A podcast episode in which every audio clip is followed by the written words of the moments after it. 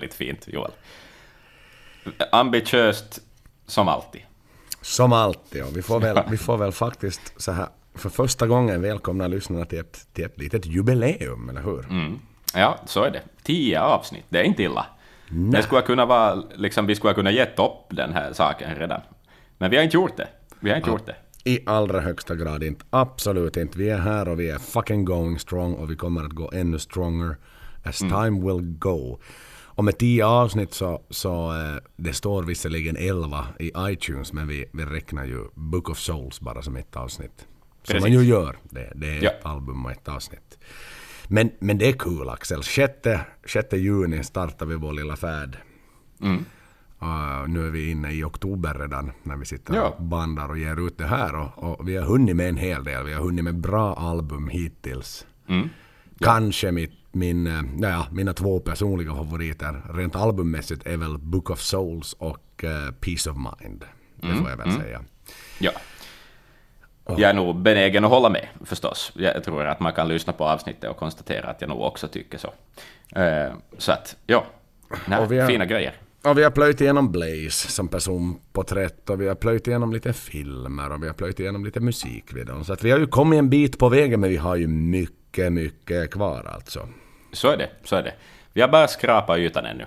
Det har vi. Ehm, ja. Och det blir oerhört intressant idag att sitta och diskutera det, det tionde avsnittet som ju då också faktiskt blir det tionde albumet. Mm, exakt. X-Factor. Det var ju inte riktigt planerat från start att det skulle vara det tionde albumet. I vår liksom så här, vi, vi hade bestämt oss för The X-Factor och sen slog det oss bara så här av farten att hej, vet du vad?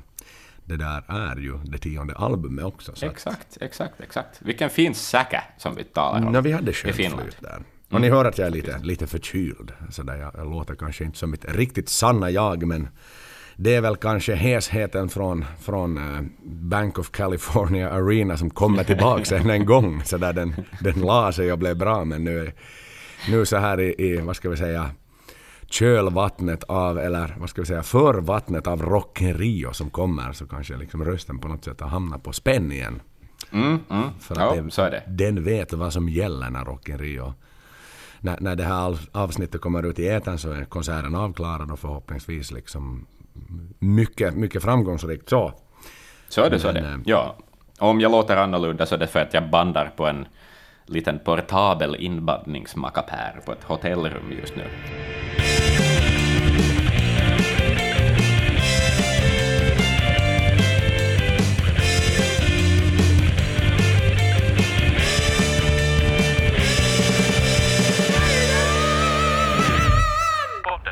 Men Axel, nu, nu är det liksom tiden är någonstans mogen. Vi har, vi har varit och tassat, vi har pratat om Blaze, vi har, vi har pratat väldigt många gånger om den här episoden när Bruce lämnade tills då egentligen the heydays som händer nu. Den här, ska vi säga, the dark era of Maiden. För det är väl mm. någonting jag tror att vi kan vara överens om och jag tror att väldigt många lyssnare känner igen sig i att det här är ju kanske inte den muntraste, gladaste tiden i Maidens fantastiska historia utan det här är nog liksom det här är järnåldern. Det här är liksom the dark age of Maiden. Ja, definitivt. Um, ja, det var nog någonting som for lite snett här, alltså.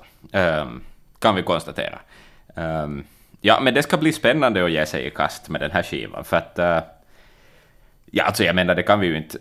Det ska vi inte hymla med, det är ju inte... Vi vet ju om att det här inte är bandets mest älskade platta, om vi säger så. Ehm, Absolut, absolut. Så att... eh, mm, Nej men det är en tuff tid. Det är en tuff tid. Det är 90-tal och Maiden har varit ganska dekadenta redan egentligen under No Prayer for the Dying och också Fear of the Dark-tiden. Det var ju inte så... Mm. Vi har, inte pratat om det här tidigare men det, liksom, det var ju början på ett slags förfall för Maiden. Bara där. ja, ja. Allt hände efter definitivt. Seventh Son och var Seventh Son. Sen, sen var det liksom inte hemskt mycket muntra miner mera och om man nu tar No Prayer-tiden när liksom Maiden skulle gå bort från det här spektaklet då, där de skulle klä sig i jeans och ledarrockar och bara bli ett vanligt rockband typ som mm. kan spela på en pub. Det var inga liksom props på scenen mera utan eh, då fram tills dess att Bruce då kastade in handduken och, och man då stod där egentligen helt handfallen. Steve liksom mm. Steve sitter nog ordentligt i pisset där. Han, han skiljer sig med sin fru, mamman till, till hans tre, tre barn. Och eh, mm. Martin Birch konstaterar redan då att vet ni vad hörni, jag tänker gå i pension, jag tänker börja spela mm. golf. De står utan producent. Och då Bruce som sagt konstaterar att han vill köra solo på heltid. Så det är nog en jävla, ett jävla dilemma som, som Rod och Steve står framför vid det här skedet. Så är det, så är det. Ska vi ja. fortsätta eller ska vi inte? Och det var faktiskt, mm. vi har diskuterat det tidigare, men det står faktiskt i den officiella biografin att det fanns på bordet. Det där att, att de skulle lägga ner? Att de lägger ner hela skiten. Hmm. Men Tänk sen, det. Sen kom de efter en, en, en blöt kväll, eller en liksom så här ordentlig diskussion de hade på en pub sen, vilket också jag har förstått att var väldigt länge sedan de hade en, en seriös diskussion, en band, ett bandmöte om man säger det så, där de då kom fram mm. till att vet ni vad, nej, vi vill nog fortsätta och, och vi behöver liksom, nu, nu jävlar ska vi ta ny fart i det här. Ja. För ja. det, det, var ju de facto så med Bruce att han hade ju så att säga annonsat sin departure ganska långt på förhand under Fear of the mm. Dark-turnén. Uh, och, och, den här A Real Dead One, A Real Live One. Och, uh, och det var ju så där, han hade ju sagt att nej, men jag gör det professionellt, jag håller på med ett halvår till. Mm. För, för, då hade de en paus i, i, i turnén då, mm, kring julen och skulle de köra igång i januari igen. Mm. Och uh, ja men vi gör det snyggt och fint, jag slutar inte direkt nu. Och, och han sa att men jag, jag levererar på den nivån som jag alltid gör. Men det hade han tydligen inte gjort om du frågar många bandmedlemmar. Utan han hade slappa. Motivationen fanns inte där och han liksom lite mera pratade mm. i mikrofonen snarare än sjöng på det energiska sättet som vi är vana med att höra på höra Exakt. Blues. Så att, och, och, det skapar en enorm frustration i bandet. Liksom, att vad fan är det här nu då? Vi liksom let our fans down. Vi har en totalt omotiverad sångare som vet att han ska sluta. Vi vet alla det. Fansen vet alla det. Hur ska mm. vi liksom riktigt ta de här konserterna? Att han säljer ju inte in sig till publiken och ingen gör för ingen vet riktigt vad som ska hända sen när den här turnén tar slut. Nej, exakt ja. Precis. Det är som ett, eh, det är som ett par som har separerat men man har inte hittat en ny bostad ännu. Nej men det liksom. känns ju verkligen ja, så att det är precis. liksom okej, okay, eh, det här är ett jättekonstigt läge just nu och, och, och, det måste ju någonstans ha varit befriande när turnén då äntligen tog slut och Bruce, Bruce mm. tog sin pick och pack och, och, och, och åkte vidare. Mm. Och man då så att säga kunde börja selektera ordentligt och börja hitta ny sångare. Men, men, det dröjde ja. ju hela vägen in till liksom, eh, strax innan jul innan man då bekräftade med Blaze att vet du vad, nu är det du som är vår man. Nu är det du som mm. är vår, vår nya sångare. Mm. Och, och såklart, ja. jag menar, Bruce har varit med på the motherfucking heydays. Han har varit med mm. så länge. Liksom han, det var ju han som lyfte hela jävla banden. Han kom in i ja. fucking Number of the Beast. Han tog deras första USA-turné med Peace of Mind. Deras heydays med World Slavery Tour and so on and so on and so on. Och nu är det plötsligt slut. Och då ska du ha in mm. en helt ny kille som sjunger på ett helt annat sätt. Mm. Och, och, och, var ska man profilera sig? Jo, resultatet då blev X-Factor. Ja, ja. Och det motsvarar väl ganska långt det här kaoset också på något sätt. Att det är liksom, hela den här skivan är liksom, det är lite av det gamla, men det är också en hel del nya försök. Mm, men den är, den är alltså, jag ska sammanfatta den så här, så innan vi börjar gå in på låt för låt, men det är en väldigt vilsen skiva. Um, på många sätt, tycker jag. Mm. Mm. Nej, jag har, jag har jättemycket åsikter om saker och ting här också som kommer och det kanske inte riktigt är dur allting så att så här. Nej. Jag skulle nästan sätta en liten varning åt er. Mm. vet ni vad? No, för det första Axel så kommer det här avsnittet inte att ha hemskt många lyssnare. Speciellt inte Nej. de här turistlyssnarna. För Nej, de exakt. vill att vi ska göra Powerslave, de vill att vi ska göra Brave New World. Det är de, om, det, ja, om vi har sådana semesterlyssnare så är det de två avsnitten de kommer att välja. Ja. X-Factor kommer att ha få. Det kommer att vara bara gamla goda, goda revar där ute som, som lyssnar på oss. Men, men för övrigt mm. gör det inte. Så vi kommer inte ha så många lyssnare, vilket jag är tacksam över. För att Exakt. jag kommer inte att vara så hemskt trevlig i det här avsnittet utan så enkelt är det. Mm. Jag, jag, jag, Nej. Jag ger bara en flagg åt er som älskar den här skivan att jag skulle nästan rekommendera att ni kanske stänger av den här podden och gör någonting annat istället om ni på riktigt tycker om den här skivan och om ni är av den åsikten så som så satans tusen många andra på nätet att jo men vet du if you love Iron Maiden you need to love everything don't come here Ja, and be a fucking boy poser and, and pretend you love everything with Bruce Dickinson. Vet du fuck liksom på riktigt det är sånt kvitto man kan inte gilla allting. Jag gillar många idrottsklubbar och jag hatar många mörka år i den satans genren också när det har gått riktigt Ja. åt helvete. Och, och nu, nu för fan är inte nu är det inte Premier League för Iron Maiden, nu är det inte fucking League One för Iron Maiden, utan nu är Nej. de fan med nere i division satans 6 Iron Maiden Ja, här. Och då kommer jag att exakt, prata exakt. med dem på det sättet att de är nere i division 6. Det finns inga satans limousiner som står utanför och väntar mera, utan nu satan är Nej. det inte ens någon bil, de har inte råd till en bil mer, utan de promenerar hem från träningen i det här fallet och från matchen. Så är det, så är det. Och, Så att, och framförallt så jag vill bara vi säga att de, det. Vi vet att de kan bättre. Och vi liksom. vet ju vad som hände sen. Exakt, exakt. Precis. Så att Så ja, men jag vi får tänker inte sitta snacka... och pretend no fucking bullshit här bara för er lyssnare sådär så att ni Nej, har det på jag har, ju en förmåga att, jag har ju en förmåga att vrida och vända på grejer och försöka hitta perspektiv. Ja men det har jag satan Men- gjort. Jag har plöjt igenom den här skivan i vitto fem, sex gånger och jag har på riktigt, jag har, jag har, nu ska jag inte liksom avslöja för mycket men, jag, men det är fan inte gott alltså. Det, det är, jag har våndats. Alltså man, det är medicinen man sväljer med vatten. Ja, ja, ja, det är det. Men nu har vi sagt redan för mycket men vi kommer ju att komma Ja, in på det här. Va- Varför? Jag, jag kommer, ni kommer tids nog att förstå varför jag säger det här. men ska vi gå in på lite basics först, och lite bakgrund, lite Ja, men det allt kan det här som vi brukar gå in på. Mm. Det kan jag tycka. Och, och, och, Objektivt. Så där tittar vi rent faktamässigt så, så är, är året 1994 och månaden är januari. Eh, Blaze är alldeles nyrekryterad. Han fick beskedet strax innan jul. Och eh, av respekt så att säga för att vi har en ny sångare i bandet så har man inte skrivit ett skit innan det här utan man tänker så här, vet ni vad Blaze? Kom till oss. Kom till oss i början på januari så sätter vi oss ner så börjar vi med hela skivan från start. Det kanske fanns någon idé, men vi börjar skriva låtarna tillsammans och vi gör det här. Och, och själva, själva arbetet då sker i Steves studio. Och eh, eftersom Martin Birch har försvunnit så anlitas Nigel Green, Nigel Green förlåt, som ny, ny producent och han har varit studiotekniker sen tidigare som då har tagit steget vidare. Och eftersom då Steve har varit med som, som co-producer väldigt länge så upplevde han väl att han kan liksom kanske ta större delen av ansvaret själv och sen har han Nigel då som en slags wingman till sig själv. Exakt, exakt. Ja. Men eh, då som sagt så man börjar ju skriva, skriva skivan då och eh, egentligen slutresultatet kom ju inte före den 2 oktober 1995, det vill säga nästan ett och ett halvt, eller över ett och ett halvt år senare från att man klev in i studion. Så kom man ut med alstret X-Factor. Det är lång tid. Det är en lång tid. Det är en jättelång tid man har jobbat på det här och det här var inga jävla Bahamas-grejer utan nu var det liksom i Steves studio i England som man skötte det här. Det hade man visserligen gjort med Fear of the Dark-albumet också. Så att där hade man inte åkt iväg och glassat iväg. Men, men i alla fall så där.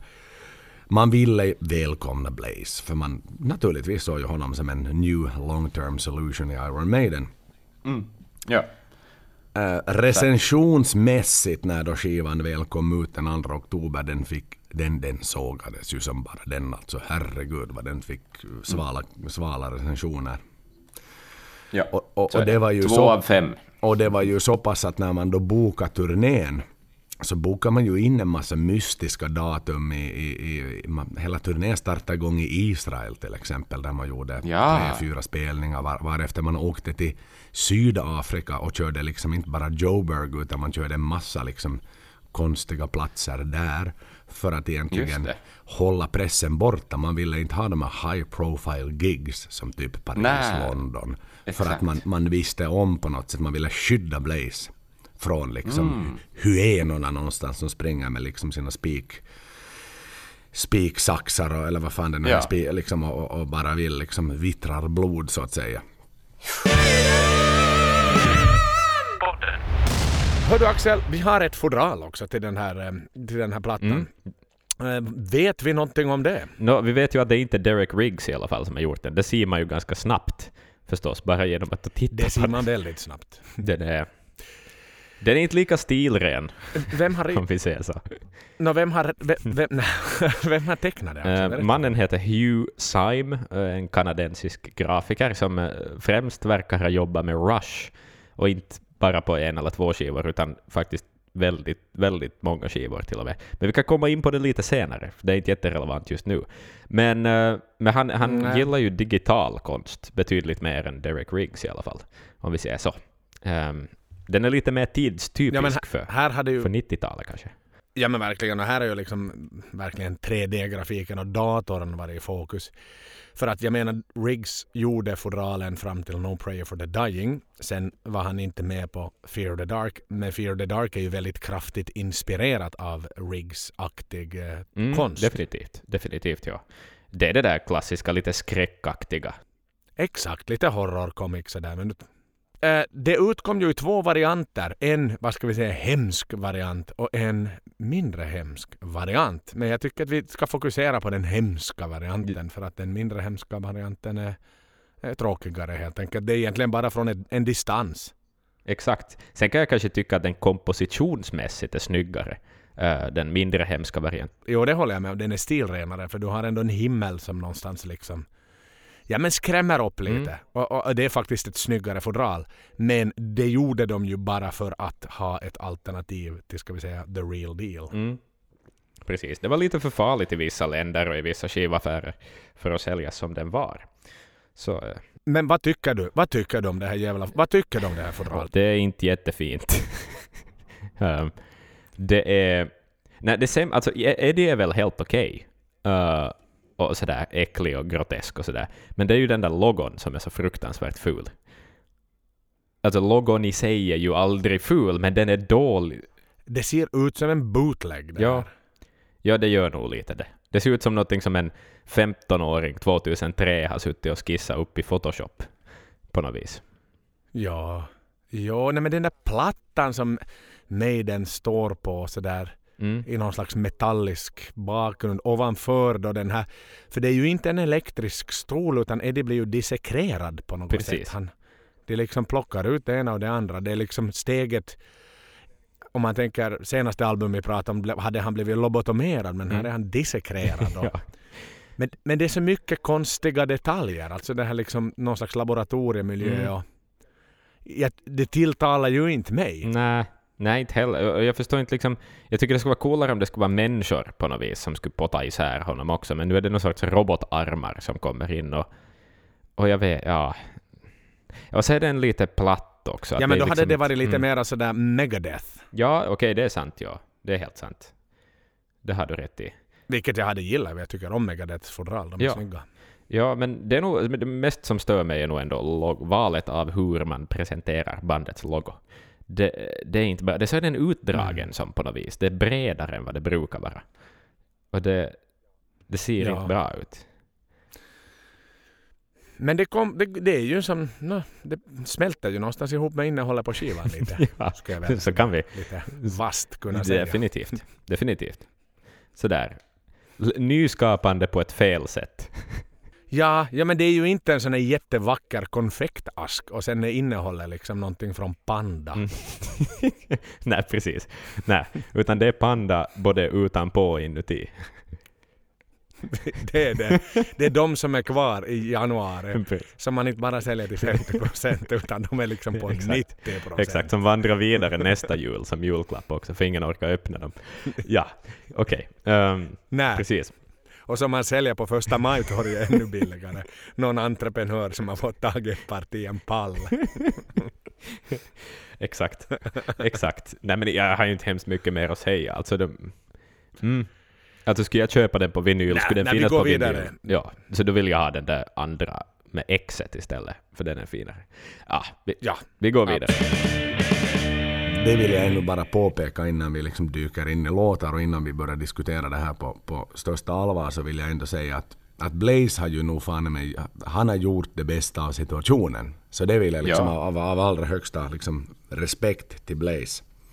Så vill Ja. jag liksom säga att han, han gjorde ett ett tappert jobb.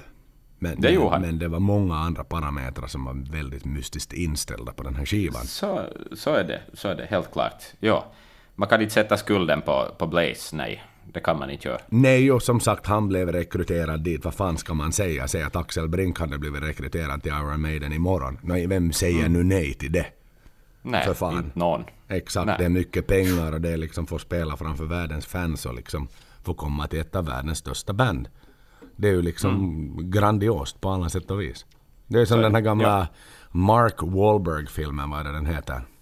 Rockstar. Rockstar exakt, att han då får komma Mm, exakt. in i det här. Vad heter de? Steel Panther eller någonting sånt här. Steel Ja, Dragon heter de. Ja, så var det. Steel Dragon. Där han då kommer in som liksom den här follow-up guy. Ja, ja det, det finns likheter här. Och det är ju också i den filmen så är det ju också ett band som är lite sådär på, på branten, på väg neråt.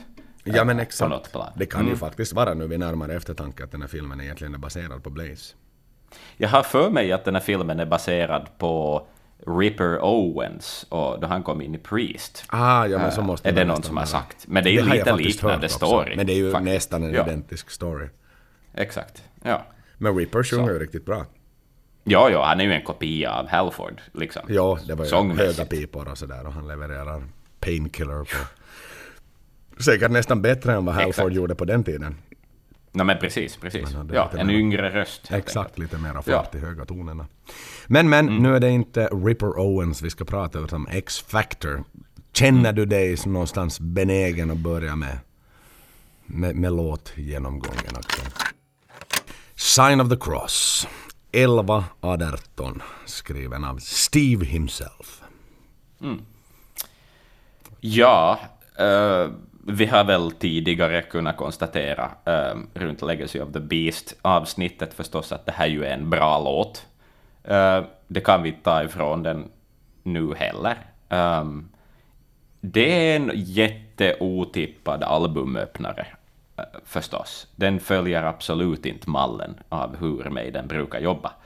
Um, det är den episka låten som börjar skivan. Och det är fascinerande, ska jag väl säga. Så den, lite neutralt. Ehm, Det är den längsta Sen är det ju låten nog- Maiden har då. fram tills På, dess, på albumet exakt. Väl, ja, eller på albumet är det den längsta låten så vanligen är vi ju vana Ja, med att den ex- ja. parkerar sig absolut sist. Ja, Men man märker ju redan från början att, att det är något som är... Alltså fast de har jobbat enligt Blaze, de har skrivit för Blaze, så är det ju svajigt. Ehm, från början. Det blir värre senare. Det, det finns liksom värre låtar senare på skivan. Men att han, han, han, han är ansträngd i sin röst. Alltså, oavsett om han ska sjunga lågt så blir det väldigt pressat och framtvingat. Och då det börjar bli högre så kan det vara lite, lite osäkert där också. Att det, det, det skänker inte mycket självförtroende ändå. Om en låten förstås är bra och, och må hända kanske skivans, no, eller ja, nu är det ju skivans bästa låt. Ja men det är det utan, utan ut. problem. Det, det håller jag. Ja. Jag tror inte att det finns någon där ute som, som hävdar annat. I annat fall får Nej. ni ju jättegärna meddela oss om saken. Mm. Så jag håller ju med om det. det. Det är skivans i särklass bästa låt. Men som vi redan var inne på i förra avsnittet så, så det här är mera av en live-låt än vad det är av en studiolåt. Exakt, exakt, precis. Ja, Men den är är lång, det. den är fin, den är djup, den är liksom, den är genomtänkt. Mm. Här vill jag nog nästan hävda så här eftersom det bara står Steve på den här och även om de ville vänta tills Blaze var ombord så den här Mm. har han nog varit och fingrat på långt innan. Redan säkert under tiden när Bruce hade sagt att han skulle sluta men ännu var med på turnén. Så tror jag nog Ja. att den här liksom, det här episka alstret har funnits med i hans bakficka på något sätt. Sådär som att ja, ja, ja, definitivt. Och, och jag tror väl kanske på något sätt också, nu är det den här... Jag menar det var ju upp till bevis med den. Det var ju verkligen det. Så kanske det fanns ett sätt Mm. att de ville inte riskera att sätta den här sist. För att det är den bästa Nej. låten och då var det kanske ett, en, någon slags försvarsmekanism. Nej men vet du vad? Då sätter vi Smoke on the Water först. Ja, precis. precis. För det är den ja. som kommer att bli någonstans liksom den här skivans eh, trademark. Ja. Ja, eller hur? Um, det konstaterar, alltså vi snackade lite om vad recensenter skrev om, mm. om skivan då den kom och sådär, så att ett genomgående ord som används är liksom på något vis oengagerat uh, kring den här skivan. Men och jag vet inte, månne inte liksom... Månne inte bandet kände av det också. Och, ja, men, men den här är kanske den mest... Liksom, det är väl ja. klart att de var vilsna. Och det här är ju den, den mest självsäkra låten som finns på skivan, på något plan. Liksom att det, den är lite extra bra, helt enkelt. Mm. Den har någonting. Uh, någonting mer än vad det andra materialet har. Och förstås, jag menar, jag skulle, jag skulle antagligen ha tänkt samma sak själv också. Ja, men det tror jag. Och det här fick man ju mm. någonstans här, var goda råd dyra. Här fick ja, man liksom ja. spela ut de bästa korten först istället för att spara dem till sist, för man har så många lojala fans. Som, mm. som, eh, och, och, som vi tidigare var inne på, bara den frågan att hur många fans tappar inte Maiden? Vi har ju en lyssnare som har hört av sig till oss och, och var så här, ja men jag slutade lyssna på Maiden när Blaze kom in. Eh, ja, och sen, sen kvicknade jag till här nu på, på liksom mitten av 20-talet liksom och började lyssna på dem igen för att okej, okay, de var ju på riktigt bra men jag hade liksom glömt bort dem i 15 år. Mm, så, ja. så, att jag menar, de måste ju ha tappat skitmycket sådana här vet du, mediokra, alltså me mellanfans eller vad man nu ska kalla det. Som, som lojalt Precis. köpte skivorna men kanske inte slaviskt liksom stod längst fram och hade ståplats på varje konsert. Så måste nej, ju nog nej. ha varit så här, men, men, men det här är ju inte längre Maiden. Nej, nej, precis, precis. Nej, ja, det skulle vara roligt att se någon sorts siffror. Det är säkert svårt att hitta sådana siffror. Skivförsäljning, ja, men med just sådana passiva lyssnare. Jag menar, skulle Spotify ha funnits på den tiden så skulle man ju ha sett direkta kurvor. Mm. Uh, sådär, men att... Uh, mm. Ja, men det var ju också som man ju ser sen när man tittar på turnén, så det var ju mycket små venues också när de var i USA. Av den anledningen att de, de bokar ju ner sig till typ såna mellan 1000 och max 5000 personers venues för att de ville fylla dem. Så att inte mm. Blaze skulle känna att de spelar en ishall där liksom ståplatsen är full men läktarna är tomma. Så att det skulle bli en let down. Utan på det sättet var de ju jättebeskyddande kring Blaze liksom och ville ju ge honom de bästa möjliga förutsättningarna. Och de visste ju att liksom det är inte bara pressen utan det är fansen som står där och vill ha Bruce som står längst fram för det är så det ska vara med Precis. Maiden. Och plötsligt står det en främmande man där från ett band som heter Wolfsbane som ingen har hört om eftersom vi vet som har lyssnat på tidigare avsnitt att de aldrig slog och de är inte ens i närheten Nej. av att slå igenom. Nej, nej, exakt. De ja. var förband till Maiden på fucking No Prayer on the Road Tour. Det var liksom deras största framgång hittills. Och titta ja, nu hur ja. det gick för fucking Lauren Harris som också har gjort samma resa. Ja, exakt, exakt. Ja, och den liksom boken kanske... ska vi inte öppna. Nej, eh, den här gången heller. Fan, jag är alltid frestad. Något ja. avsnitt måste du låta mig liksom få öppna ventilerna 100% ut. Okej, okay. en vacker Men vi är inte där ännu. Nej, vi är inte där ännu. Um, ja, men, men har, vi, har vi behandlat Sign of the Cross liksom färdigt? Det, Ja men det, det är, ju... väl den låten som kanske inte behöver hemskt mycket introduktion egentligen. För att som sagt, det är en låt som har levt kvar. Man gjorde den under eh, Brave New World Tour, man gjorde den under Legacy of the Beast Tour. Det är en, det är en låt som uppskattas av väldigt många fans. Och det är liksom en... Det, det, det är en förbannat bra episk låt av mig den, så enkelt Exakt. är den. Och den sjungs ju eminent av Bruce idag också. Och det är, så väl är det, kanske så, så 90% av alla lyssnare egentligen förknippar låten, även om den ligger på ett album med Blaze, så är det väl från mm. Rock in Rio eller nu från senaste upplevelsen av Legacy of the Beast. Så är det ju liksom ja. för hans teatraliska, ja, ja, det han bjuder på.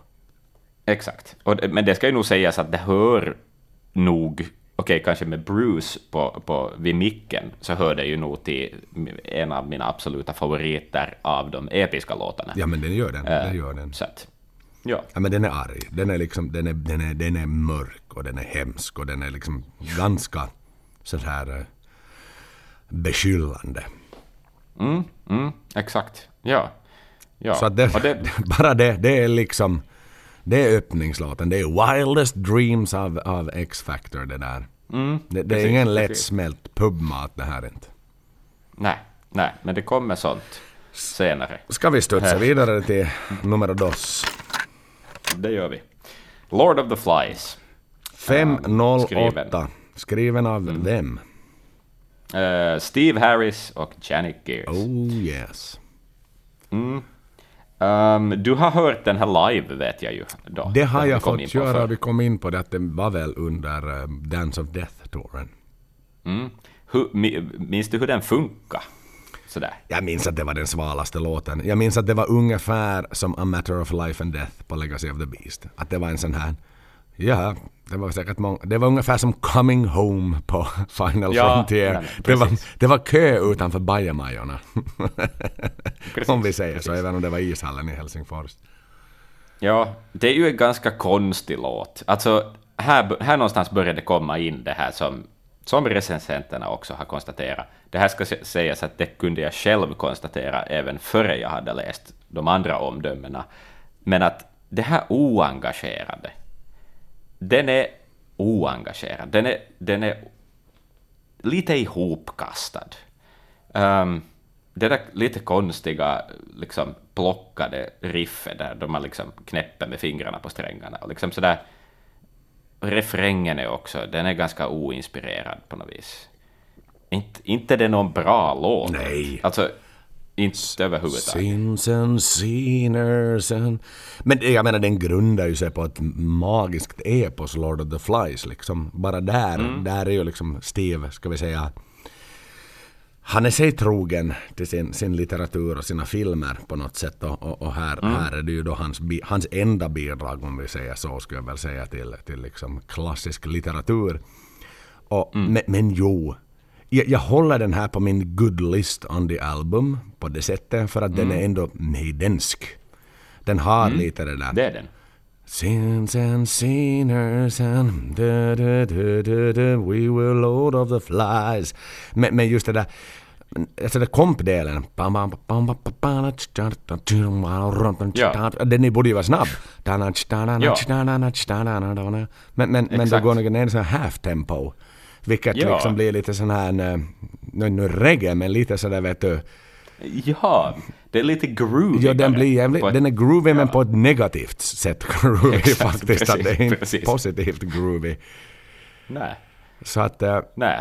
men, men den är så här, i min bok så är det ändå en av de bättre skivorna på den här låten och den förtjänade väl att få höras en gång live under 2000-talet.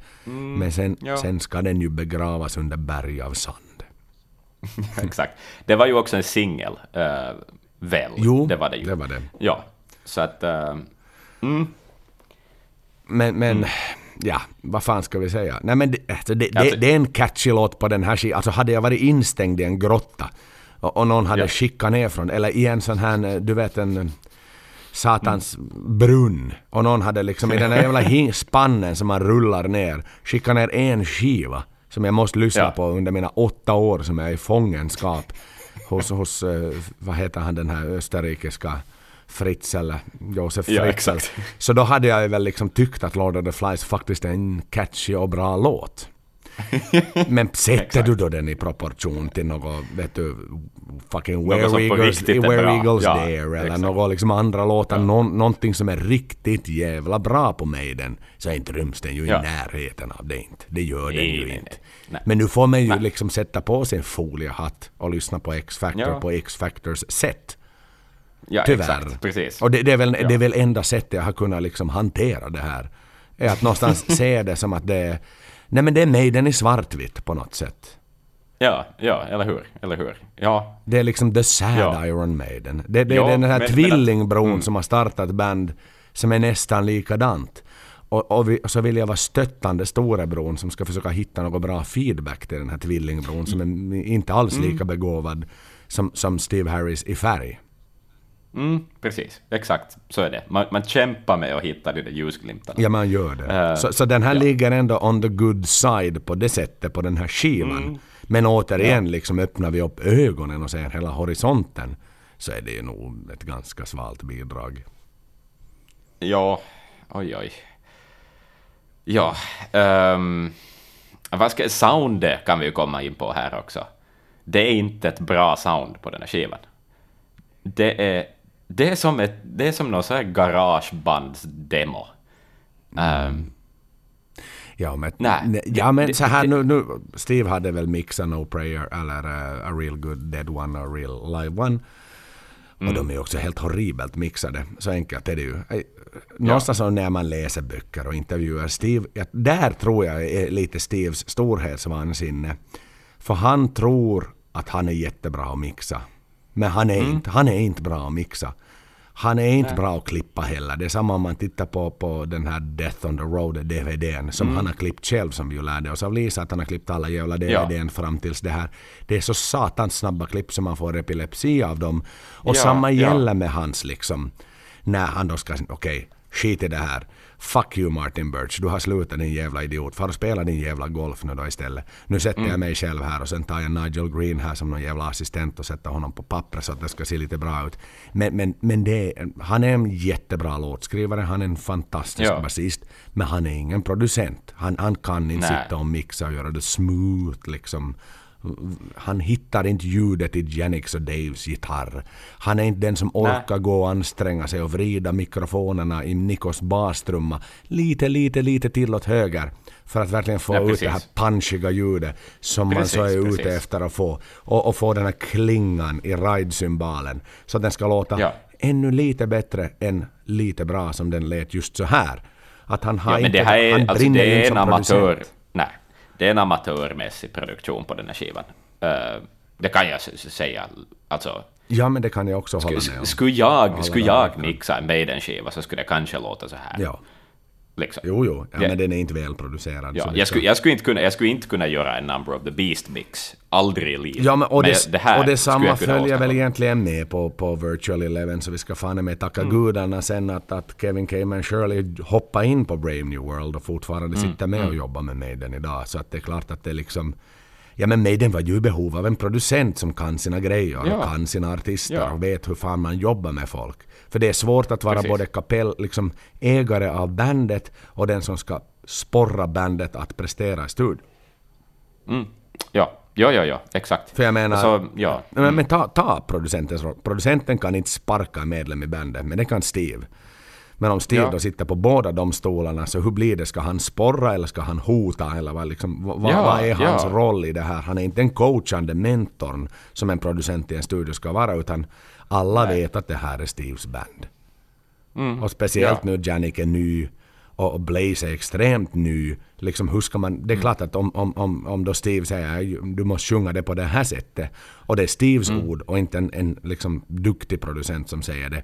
Det är klart att de gör som Steve säger för de är jävligt måna ja. om sitt jobb på något sätt och får vara mm. med i Iron ja. Maiden. Ja, men han har andra saker att tänka på. Exakt. Han skriver låtarna. Han är för fan med i nästan varenda låt här. Eh, ja, för att han ja, har inte ja, släppt något ansvar till någon för han upplever ju osäkerheten. Så är det, så är det. Ja. Ja, ja. No, men, men med det sagt kanske vi hoppar vidare till... Man, Man on the on edge. The edge. 4.13 Axel. Den här mm. gången får Blaze för första gången skriva, stiga in som låtskrivare i Iron Maiden tillsammans med Janik. Mm. Vi har varit inne på det här Axel, vilken film var det låten grundar sig på? Um, minns faktiskt inte just nu, men ingenting om slaget i Balaklava. faktiskt inte, utan slaget i Los Angeles. Det vill säga den stad vi ganska nyligen besökte, den handlar ju om Falling Down med, med eh, Kevin, no, vad heter han? Nu tappade jag namnet i alla fall. Men Falling Down-filmen i alla fall. Exakt, exakt. Eh, ja. med, med mannen som tappar allt. Han som ville mm. stiga in på fiktiva McDonalds och få en frukost men klockan är 11.01 och vid 11 byter de frukosten mm. till lunch och så tappar han fattningen och, och liksom, ja, går bananas helt enkelt. Mm. Ja, um, mm. ja, eh, alltså i det här jämföra låtarna på skivan med varann utan att tänka på resten av materialet, tankesättet, så hör den här kanske också till de lite bättre låtarna, men det är nog just och just. Uh, Ja men jo. Mm. Ja. Alltså refrängen, refrängen är ju minnesvärd ändå. Det är den. den. Den kan jag nynna då jag ser titeln på låten. Att något sorts frö har den sått i mig. Men, men liksom mer än det Nej, men, men det, det här är ju en sån klassisk shitty Maiden-låt. Falling down, Ja. falling down. Exakt. Nej men det är så här, det, det, som jag skrev så här, citatet från filmen Tjernobyl som fysikern där i TV-serien sa. Eh, not great, not terrible. Nej men precis, precis. Det är exakt vad det är.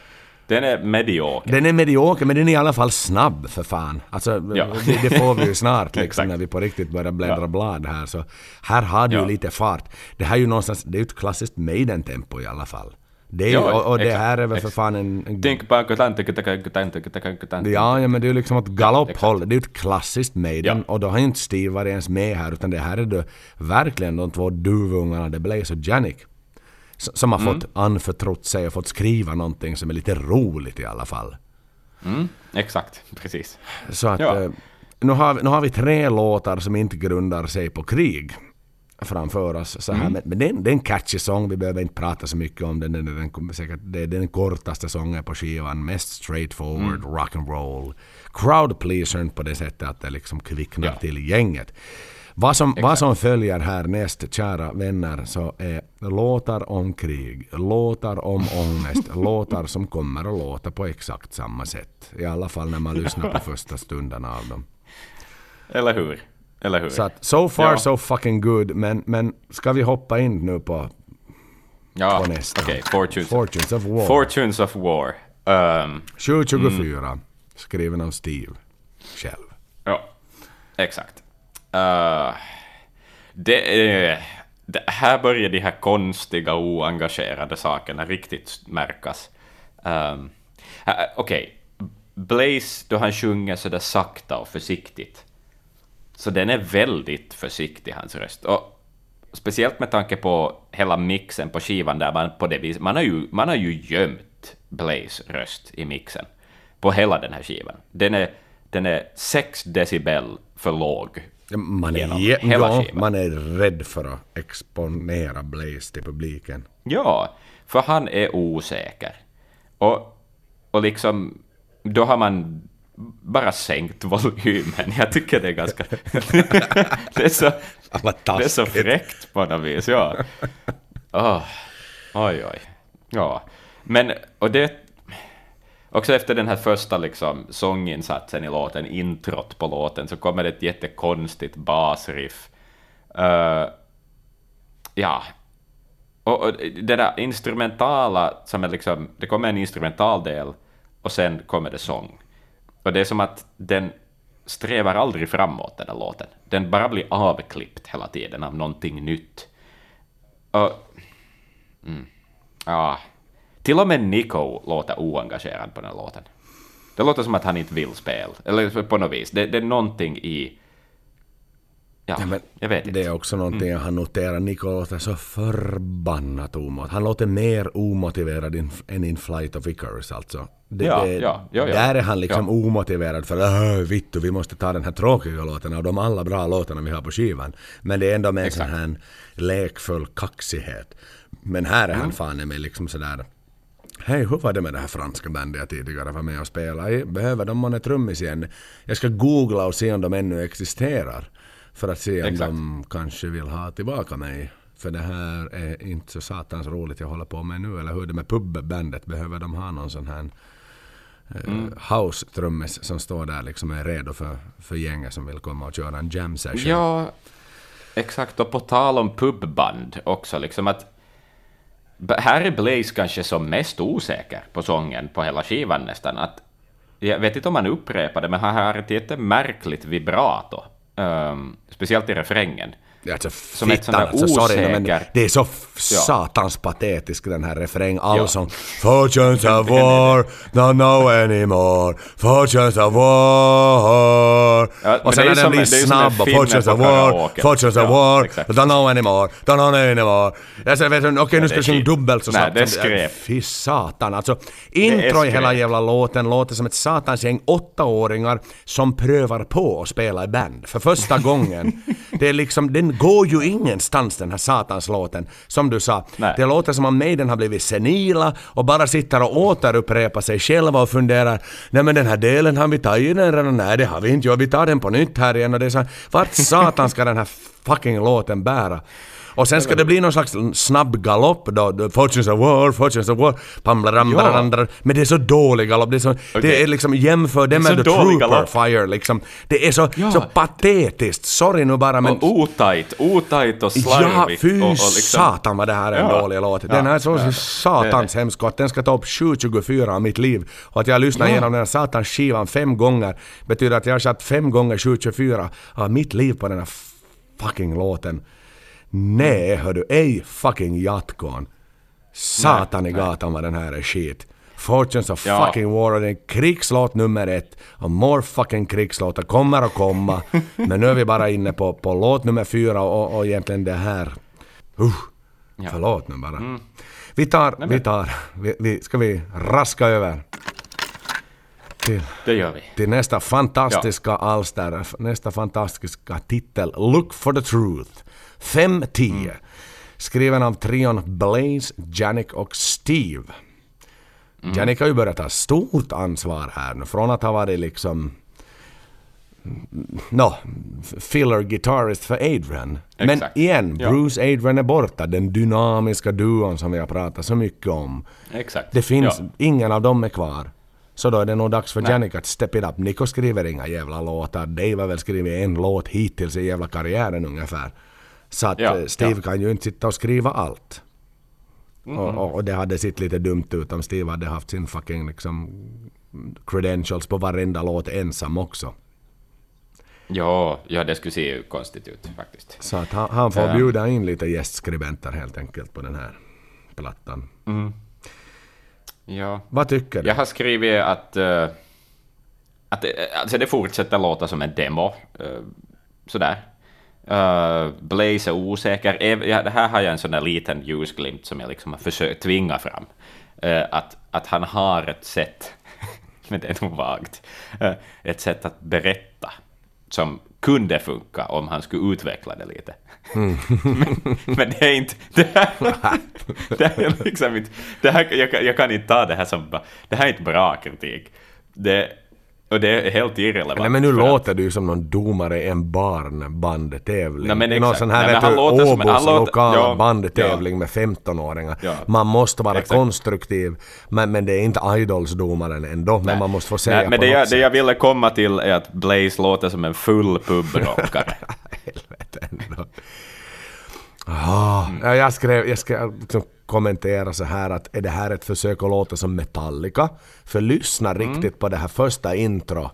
Liksom med de här klassiska, Ja. vet du, man har tagit bort all, all det är picking på, på ja, men det var det jag tänkte på. Jag var så här att vad, vad låter Ja, det det är här Metallica, som? Men det är det ju bara exakt vad du sjunger om talar det. Det är Metallica. Ja, Eh, ja. Och, och, och jag tycker liksom att Blaze får inget utrymme att uttrycka sig på och sjunga på. Det, han, han ska liksom humma hela tiden och det är också någonting, på tal om det som du talade tidigare om att man drar ner hans volym.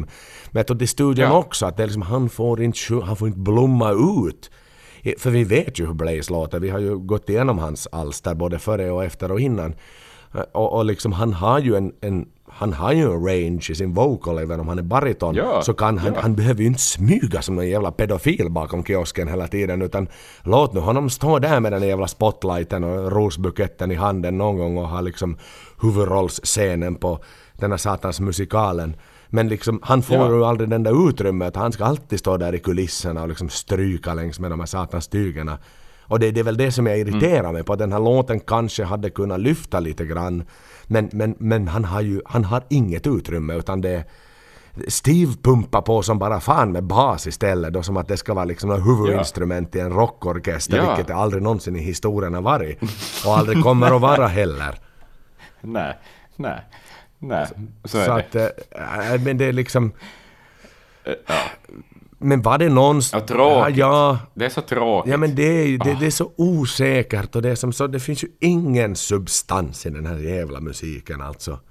Det Nej, gör ju nej. inte. Alltså jag har skrivit, med, med Caps Lock jag skrivit också att, det, att refrängen bara är urdålig.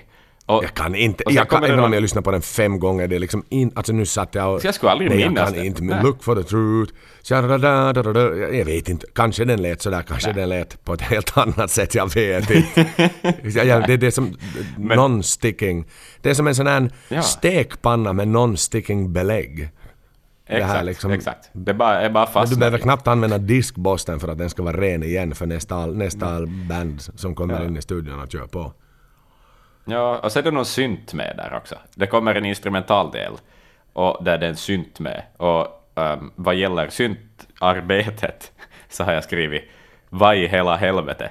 Jag minns inte vad den synten gör, men i alla fall hade fått mig att skriva dessa anteckningar. Um, men sen på slutet kommer ett riff som är bra. Som är kanske, kanske musikaliskt sett skivans bästa innehåll hittills. Spännande. Har jag skrivit. Vi klipper in det. Vi klipper in det, absolut.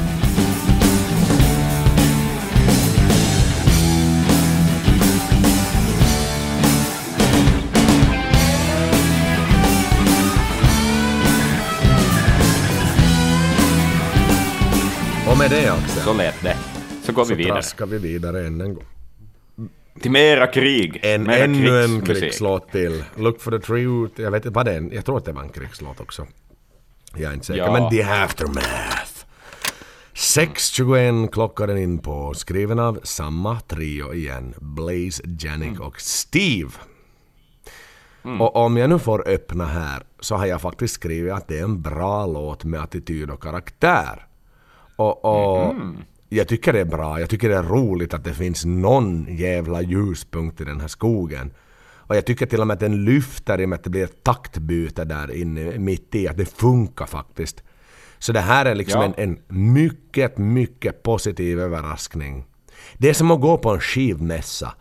Och i alla den här jävla liksom, det hög, du, du, när du bläddrar igenom, bläddrar igenom, bläddrar igenom vinylskivor. Och så hittar du den där rariteten. Som gör dig glad.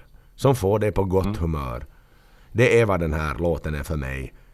The Aftermath. Men återigen isolerat med den här jävla ostkupan på att vi bara lyssnar på X-Factor. Vi lyssnar inte på Maiden nu utan vi lyssnar på X-Factor av the band called Exakt. X-Factor. Previously known as Iron Maiden. Eller featuring members from Iron Maiden kanske det skulle kunna stå på skivan. Ja, exakt. Precis, precis. Ja. Alltså, Så att inom ostkupan så tycker jag att det här är en Ja. bra låt. Ja, den är lite bättre än vissa. Ja men det är ju inte så att jag sliter om håret av mig i den här i alla fall. Nej, nej, nej, nej, nej. Men riffen är fantasilösa. De- De är, det, skulle inte, det är lite glam-metall över, över det här riffet, huvudriffet i början av låten. Ja men det är ju lite ändå attityd och kaxigheten. Ja, men det är Att det, du, I alla fall finns Ja, ju någon... men- Här får ju Blaze låta lite som i Wolfsbane, att det är lite mer så här Ja, glam, det är lite sant. balls liksom. Att det Lite är mer bara... Strip. Ja, Ja. ja. men det är ju så, som han ju har sjungit i. Wolfsbane tidigare. Så det här är ju liksom, det här är familiar territory for him. Det är inte så att han ska stå så här Axel Brink, vi ska sjunga om en sång som handlar om Iron Maiden. Du, du, du, du. Och så ska vi vara försiktiga. Kommer någon gitarr in. Och Nico är inte färdig för han är så omotiverad. Det, det är ju inte den typen ännu. för så låter det ju hittills. Nej. Och så kommer det fan med att låta ja. långt efter här också. Bara vi tragglar Ja. vidare. Men det jag säger är att det här glammetalliga riffet som vi ändå på något plan godkänner, att det skulle liksom, det är ett sånt där riff som Mötley redan har kastat i roskisen. Jo, Alltså, det är liksom, jo, det är jo, jo, men återigen, Ja, vi har en ja. ostkupa på oss nu Axel. Ja, okej, Nu okej, får du skarpa okej, till det lite. Det är som sagt featuring members from Iron Maiden vi pratar om Exakt, här. okej, då. okej, det, det är det språket vi talar med Ja, det här är liksom, okej. eh, det här är, vad heter det? British Lions B-sides ungefär, Steves privatprojekts Mm. B-sides. Det är ungefär i den kategorin vi får sålla den här plattan. Ja, ja. Med, med exception från, från eh, då Sign of the Cross naturligtvis. Så att man, man får ju Mm. ha helt andra handskar på sig. Så är det. Okej, sen kommer en instrumentaldel, för alla låtar är ganska långa på den här skivan och de ska innehålla någon instrumentaldel. Ehm, och, och här gör Steve det där som han gör uh, då saker inte riktigt tillräckligt bra annanstädes. Då spelar han jättemycket bas. Och, eh, Och eh, liksom, han är ju en bra basist, men här är det konstiga. Så, alltså han gör konstiga basgrejer. Han försöker imitera en gitarr eller någonting konstigt. Och, men det bara förlorar, man får ingen bas med. Det är liksom ett riff som är där någonstans, men det är liksom ingen frekvensen bas. Ja, det är höga toner. Så, så han drar den på de små högt upp Ja, exakt. halsen. Precis. Precis, precis. Och, och det är något i arrangemanget också som bara liksom, det, det bara blir en gröt som, som saknar botten. Liksom. Och, och det, till och med, jag har skrivit så här, till och med Blaze låter uttråkad. Mm. Ja, och då är det nog fan med någonting som är fel. Om den nyrekryterade sångaren är så att vad i helvete är det här? Men samtidigt, jag menar mm. seriöst, Blaze, Blaze, Blaze Iron Maiden är ju The Happy Days. Det är Aces High, det är Two Minutes to Midnight och det är spandex ja, och det är glada ja. gubbar med stora monster på scen. Det är Iron mm. Maiden för Blaze. Vilket hade varit för mig om jag hade blivit rekryterad till bandet också. Ja. Inte du att spela Exakt. på någon satans klubb 25 i Vasa inte liksom och stå och spela någon jävla garagerock som låter sämre än vad lokala förbanden låter inte. Utan mm. vi ska ju vara motherfucking Iron Maiden. Det är ju liksom, vi kommer hit ja. som en jävla ångvält. Vi kör över det, vi som ska stå och boxas med Metallica på en presskonferens liksom om vem som är the hardest motherfucker on earth. Det är ju så det ska vara. Exakt. Och, ja, och, och de är ju så vinklippta så det bara sjunger om det. Ja, ja. Mm. Men det är en bra, ja, i min värld i alla fall med ostkupan på så tycker jag att det är en, en bra låt. Eller hyfsad låt. Den har lite karaktär och, och Blaze har fått lite fucking cojones i alla fall att sjunga med. Ja, och av krigslåtar, om vi inte snackar textinnehåll också, så är det kanske den krigslåt, även om den är platt, så har den ändå någon sorts mm. poäng. Mm. Alltså just det där sensmoralen i att då ett krig är över, var det nu egentligen någon som vann, eller var det kanske så att alla förlorade? Liksom. Och, och så där, det, det, finns ju en etik, någon sorts moral. Ja men det för ju mig tillbaka som, på, uh, vad det nu på... Skulle det varit på, på Final Frontier eller var det på uh, Book of Souls, den här låten om den här krigaren som kom hem och liksom ifrågasatte. Det var nog på Final Frontier. Han som ifrågasatte ja. kriget och det här. Mm, och liksom allt det Det är ju som repeats itself egentligen. Ja, ja, ja. Ältanden ja, ja. om krigare som kommer hem. Har du liksom ja. fucking det... signat upp för att gå i militären så det är väl konsekvensen av det hela om du hamnar i krig också. Du behöver liksom inte... Nej men förstås. Det, det är en klassisk sådär, när Maiden inte har, när Maiden har idétorka, gärna då plockar vi in the mind of a soldier och så försöker vi liksom analysera vad han tänker. Det känns lite som att det är mm. deras liksom sån här go-to guy. Ja, det är nog sant. För flygplanen ja. har ju ändå sin plats i historien hos Maiden. Det är inte en liksom, mm. idétorkalåt, men det här är liksom klassisk. Det är ju samma med, med vad heter den? No, lying awake at night I wipe the sweat from my brows Is a reason to live Afraid to shoot strangers Precis. Det är ju samma liksom, det är klassisk ja. liksom det där med ja. ifrågasättande, ja. jag ligger där med bössan i handen de har gjort så mycket sådana låtar ur, ur ett liksom personperspektiv liksom perspektiv från soldaten. Ja, det är alltid deras liksom så idétorka typ av låt. Mm, det är sant. Det är sant. Okej, okay, nu har vi ja. brist på idéer. Aha, plocka in What would the soldier do? Mm, ja, om inte man har tagit en bok eller en film och gjort en låt om det. Exakt. Ja, Exakt. Ja. ja. Men det är trist att man ska behöva bli så här... Um, jag vill liksom... På... Ja, det är vårt tionde halv, liksom avsnitt och allt. Det borde ju vara lite... Ja lite fyr och fest och, och glätt och glatt. Ja. Men, men nu är det det här albumet vi pratar om. ja, nu, men man blir så cynisk alltså. Man blir så otroligt cynisk. Ja, men det, vet du, det finns ja. en anledning. Det här satans albumet har jag inte lyssnat mycket på. Jag, lyssnade, jag köpte nej. den då, nej, nu köpte den och, och lyssnade på den då så mycket som jag nu lyssnar på den när det var ett nytt Iron Maiden-album. Men det fanns en fucking mm. anledning märker jag nu att jag på riktigt har satt det längst bak i hyllan och nästan gömt bort ja. det som ett icke-officiellt Iron Maiden-album. Det är lite som den här mm. James Bond-filmen Never Say Never Again med Sean Connery i och för sig som inte var en ja. official liksom med eh, Bond production utan det var en amerikansk produktion men man gjorde den som en Bond-film men man fick inte använda till exempel du, du, du, du, du, du, du, och, och, och hela den biten. Nej, och, och, det här med liksom, och det här känns lite som en sån variant alltså det är som, de är ja. så ute och cyklar. De är så, de är så ja. bortkollrade och som sagt det är inte Blaze fel. Det är inte... Det, det bandet borde för fan... Vi kommer dit men, men äh, och det är tråkigt mm. men, men det är bara fakta. Jag kan inte sitta här och ljuga och säga att jo men jag tycker att uh, uh, The Aftermath är en jättespännande låt. Jag tycker att den borde ha... Jag fattar inte att de inte spelar den live varenda spelning. Jag kan inte sitta ja, och säga nej. det om det är Aftermath. Sorry nu bara. Nej. Jag tycker nog faktiskt nej. att de borde ha lämnat bort uh, Where Eagles Dare och tagit The Aftermath som andra låt på Legacy of the Beast istället. Det kan jag inte stå ja. och skriva under. Nej, nej. Det finns uh, YouTube-kommentarer som hävdar sånt. Mm -hmm. Men, uh, ja men då är vi men, inne på ja. det som jag sa i början att vi har de här yeah, ja. yes but you are not true Exakt. fans if you don't think that uh, the X-Factor and Virtual Eleven is the greatest albums ever made by because Steve was in a very dark place at the time and and uh, if you do not follow your band uh, through also difficult periods then you do not deserve to see them live and be front row because you need to show your dick to Eddie every time and you need to have a tattoo saying X-Factor is is also very good album for the fans to see. Jag vill ha den tatueringen. X-Factor is also a good album.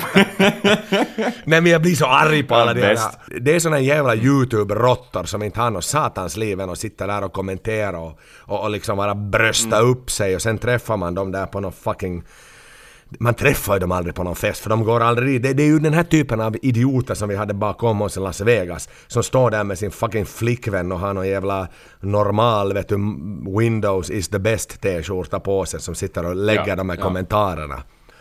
Ja, men det, ja, ja. Vi, ja. Vi, ja, vi, vi, tar ett studs vidare. vidare. Vi Till vadå? det gör vi. Judgment of Heaven. heaven. 512, skriven av, har du ett namn? Mm. Eller ska jag lägga det? Steve oh, Harris. Steve Harris. Hans, hans andra, tredje riktiga soloprestation på den här skivan. Och då, då, någonstans stiger ju alltid pulsen. Man vet att det är Steve ja. himself. Han har gjort så mycket bra för bandet. Han har ju potentialen. Mm. Ja, och han har ju skrivit en otroligt personlig text åtminstone till den här låten. Uh, det är så mörkt och han är så frånskild. Alltså, um, sorry att jag flinar åt det. Men, men den är så, alltså det är mycket, att den handlar om att ge upp på livet. Finns det något hopp kvar? Det är allt möjligt sånt här. Um, ja, inte vet jag. Igen har de skrivit låten i en för låg tonart för Blaze. Um, så han pressar. Um, ja, för låg eller för hög? Han, han, han, alltså, då han ska gå lågt i tonart så, så så blir det väldigt luftigt och, och, och framtvingat mm. på något sätt. Att, att, att, mm. Ja, men jag har ändå konstaterat så här att kanske inom citationstecken bästa låten, slutcitat, hittills. Jaha. Jag vet inte varför, ja, jag minns jag inte hur den går. Uh, så att, uh, det kan nog inte ha varit ett väldigt bestående intryck. Mm. Mm. Mm. Nej, jag har så han har ju något jättekonstigt skrik. Yeah, yeah! Som han liksom... Ja, som är så omått. Ja, det, det finns ju ingen plats för det. Ja, det är ju inte det, som att det är såhär... Felis. Felisen har inte kommit nej, dit. kanske han är lite taggad. Men det är ju inte sådär att det är som att vet du... Ja, ja. Nej, exakt. Precis. Och, och den bara kommer mitt i allt. Och det är liksom varför klippte du inte bort det där då, herr Steve? Ja, men jag har skrivit, men det var det där, vad händer, jag har skrivit så här, vad, vad händer vid 05.00? Uh, ja, men det är väl där det kommer. För, ja, det var jättedåligt. Alltså, det är för mycket filis och ändå har de haft kvar, de, de skulle kunna klippa bort det. Varför klippte de inte bort det? Nej, det vet För det är inte bra. Nej, men jag, och sen, sen den här satans liksom, morallåt, okej. Okay Steve har skilt sig, vet du, han är inte den första rockstjärnan ja. som har skilt sig. Nej. Hur många i vet du, Mötley Crüe som vi var inne på, de har väl skilt sig 15 gånger vardera liksom. Med sina jävla ja. strippor ja. till höger och vänster. Fine, han har tre barn med frun och all respekt åt det och det var hans high school sweetheart. Men vet du, du behöver inte förpesta hela jävla skivan med dina dagboksinlägg. Och, och, och, mm. och, nu när vi ändå pratar om låten också, den här satans refrängen, den här Judgment of heaven. Alltså det, det låter som en morgontrött Carola för fan. Som sjunger något satans bulgariskt Eurovision-bidrag liksom utan komp. Mm. Som att hon står där och liksom torrjuckar till det bulgariska bidraget till Eurovision Song Contest i Zagreb 1982. Ja, det, det, är så, det är som så tomt. Det, det är så fantasilöst och idélöst. Det låter som Ja, en jävla ja. politiker skulle ha skrivit den här jävla låten. Judgment of Ja. heaven. Liksom, det- är inget djup. Det är inte sådär som att okej, vet du vad, jag hade en svacka ju. i- Hör du, jag vet att livet inte alltid är så bra och jag vet att jag funderar på, jag hade den här kassetten med tabletter. Men, men tack Mm. vare Judgment of heaven, jag började tänka på den där vid något skede, när den satt. Ja, exakt, så ja, stoppade ja. jag mig själv och så gick jag ut på en promenad. Och så satte jag händerna i halsen och kräktes upp mina tabletter som jag hade svalt. Och så fann jag lyckan Mm. i livet igen. Det, det är så långt ifrån den typen av liksom, vet du, uppiggande Ja, moral, ja, nej, det är hjälp. inte- Det är inte en breakup, alltså det är ju inte liksom... Break, det finns breakup-skivor och breakup-låtar. Den här hör inte till klassikerna. Nej, det gör ju inte, utan det här är som så... Det, det är ett så tragiskt bidrag till att försöka vara djup och prata om moralisk ångest. Ja. Men titta återigen, vi Ja. var inne på, på Greater Good of God. Det är ju en jättebra låt där man ska ifrågasätta Ja. Mm. religionen. Please tell me now what love is, again tell me what love is. Liksom där pratar, det är en jäkligt fin låt som verkligen ifrågasätter religionen och okej, vad är kärlek, varför Ja. gör vi det här, varför ska vi tro på Gud om allt det liksom egentligen bara besudlas av död och att command and conquer, Mm. att vår religion är bättre än er religion. Där, för mig, en, det var den låten som fick mig att gå ut kyrkan i Finland. Seriöst. Där Ja, ja. har du ett riktigt fucking message som, som är, är jättebra. Efter den låten, när jag började reflektera på den frågeställningen i refer- liksom pre-refrängen där, For the greater good of God, Mm. då börjar jag ju liksom, där är ju låtskrivande på sin exceptionella nivå. Men i no motherfucking judgment of heaven, det är ju liksom så, ja, men, men det, det saknar allt. Det saknar verkligen allt. Ja, det är en desperat låt. Alltså den är... Ja, jag, jag vet inte Ja, han var nere Steve- för fan, men kom igen nu, folk Ja. har skilt sig för helvete och det är ju inte värsta som, han, hon blev inte ihjälkörd av en lastbil heller, eller hans Nej, nej, barn nej. dog inte i en flygolycka när de alla tre råkade sitta på samma plan. Så jävla jobbigt är det nu för fan inte. Nej. Och jag menar, skulle de ha haft en vettig producent så kanske den här producenten skulle ha varit sådär att ska du nog faktiskt ha den Ja, här skivan?" ja men exakt. Och de facto ska det Ja, ju läggas ja. till att de har ju skrivit den här 11 låtar lång och de hade skrivit 14 låtar varav tre hamnar på B-sida. Vilket är exceptionellt för mig för de har aldrig haft överloppslåtar förr. Men i det här fallet hade nej, de till nej. och med tre överloppslåtar. Så att bara det där var det nu tre stycken ångestlåtar till som då liksom sådär på grund av liksom att de inte rymdes på CDR-varianten rymdes med ungefär eller...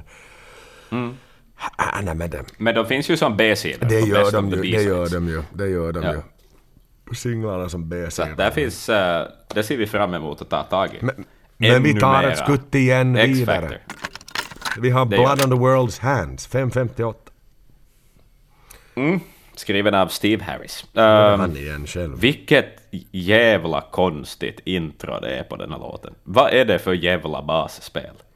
Alltså, jag kan fatta att man vill sväva ut ibland och vara lite virtuos, men det här är varken virtuost eller liksom... Det är inte bra.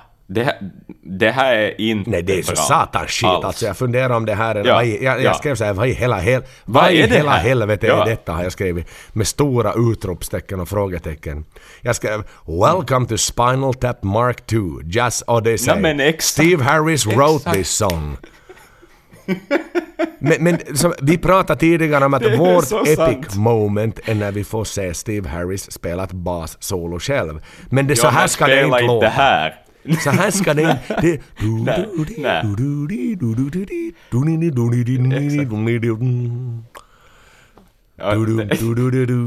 Det- är så förskräckligt alltså. Det låter som man värmer upp och det är misstag att hamna på band. Ja, nej men exakt. Och sen är det ju... ehm, Ja, nej, då går de tillbaka till det i, slutet av låten också? Eller var Jag det inte minns så? För det är jättemycket Jag- jag av skivans inte. låtar som, som Ja, de börjar... börjar och så slutar De har de. ett lugnt intro och så går man Exakt, tillbaka ja. till samma lugna grej. Men, men kanske Och det är väl den den enda minnesvärda låten är väl Sign of the Cross. Du, du, du, du, du, du, du, du, för då så Ja, slutar det också. exakt. Du, du, du, du, du, du, Ja. du, du. Men där passar det, där är det fint.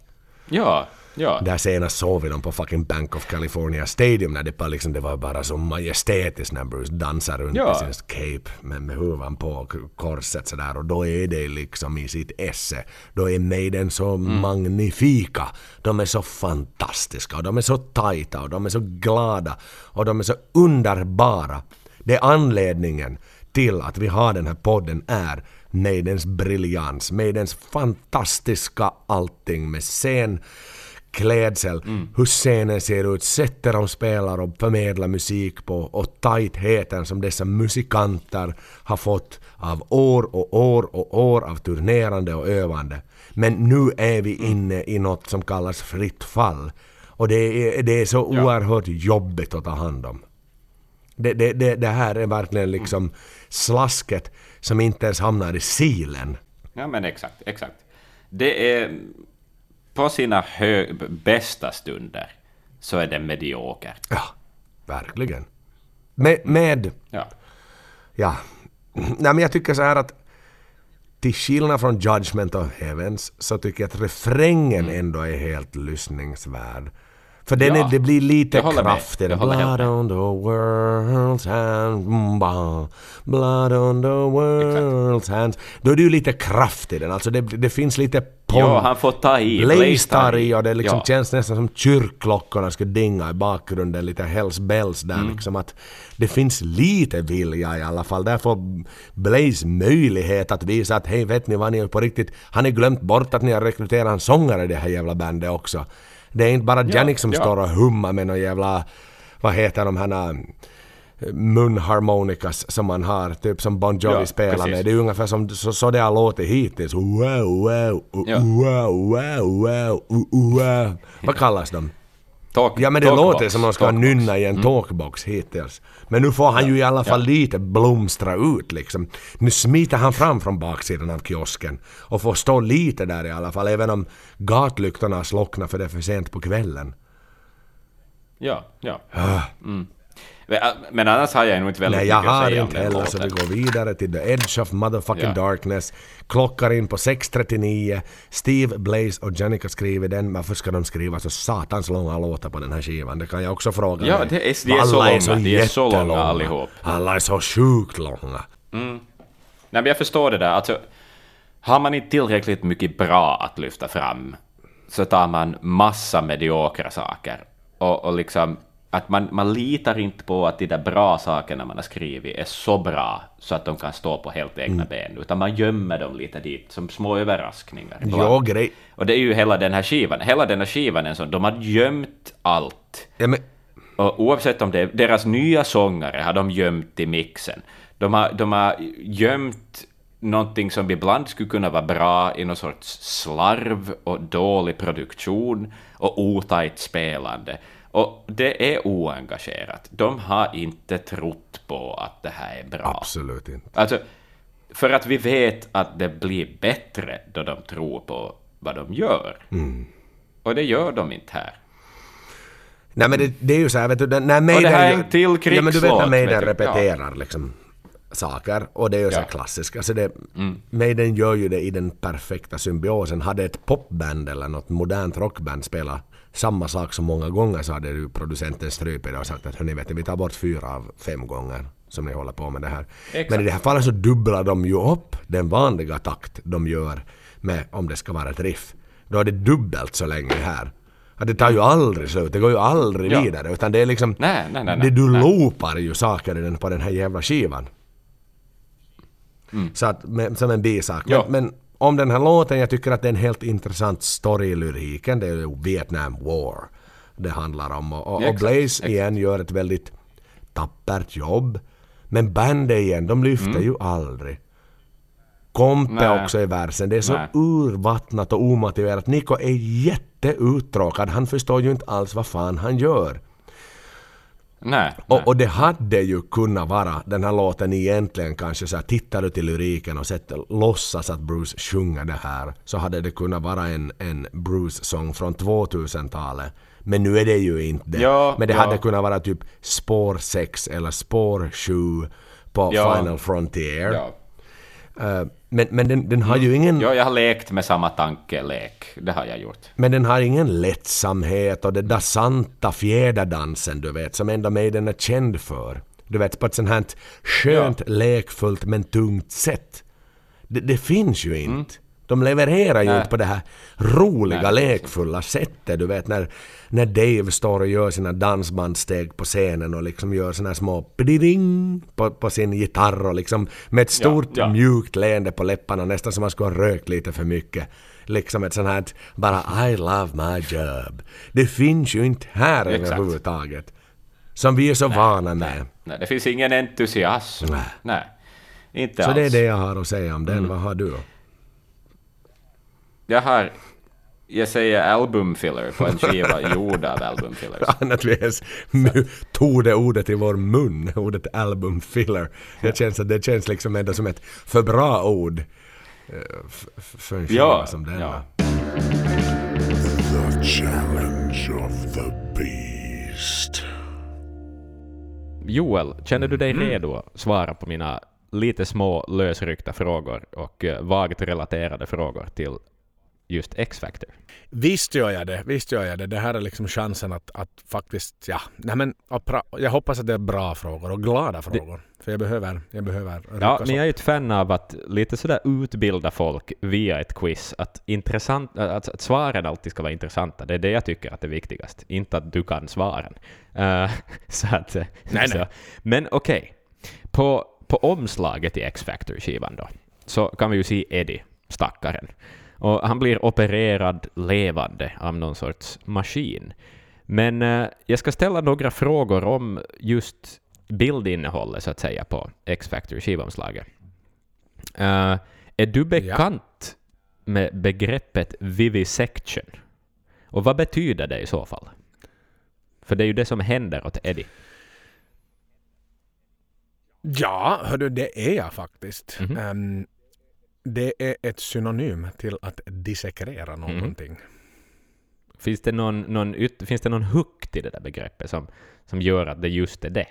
Vi vivisekerar. Alltså, men, men det är ju att man liksom, så som man gjorde i biologin i skolan, man, man tog en organism, en levande snigel eller någonting och så liksom tog man den isär för att lära. Alltså det är ju ett vetenskapligt. Exakt. Så det är ju inte bara att lemlästa någon utan man gör ju det för att få reda Ja, på du var ju in på det där just att alltså varelsen som man pottar i så ska ju de facto vara levande. Och det är just det som gör det här begreppet.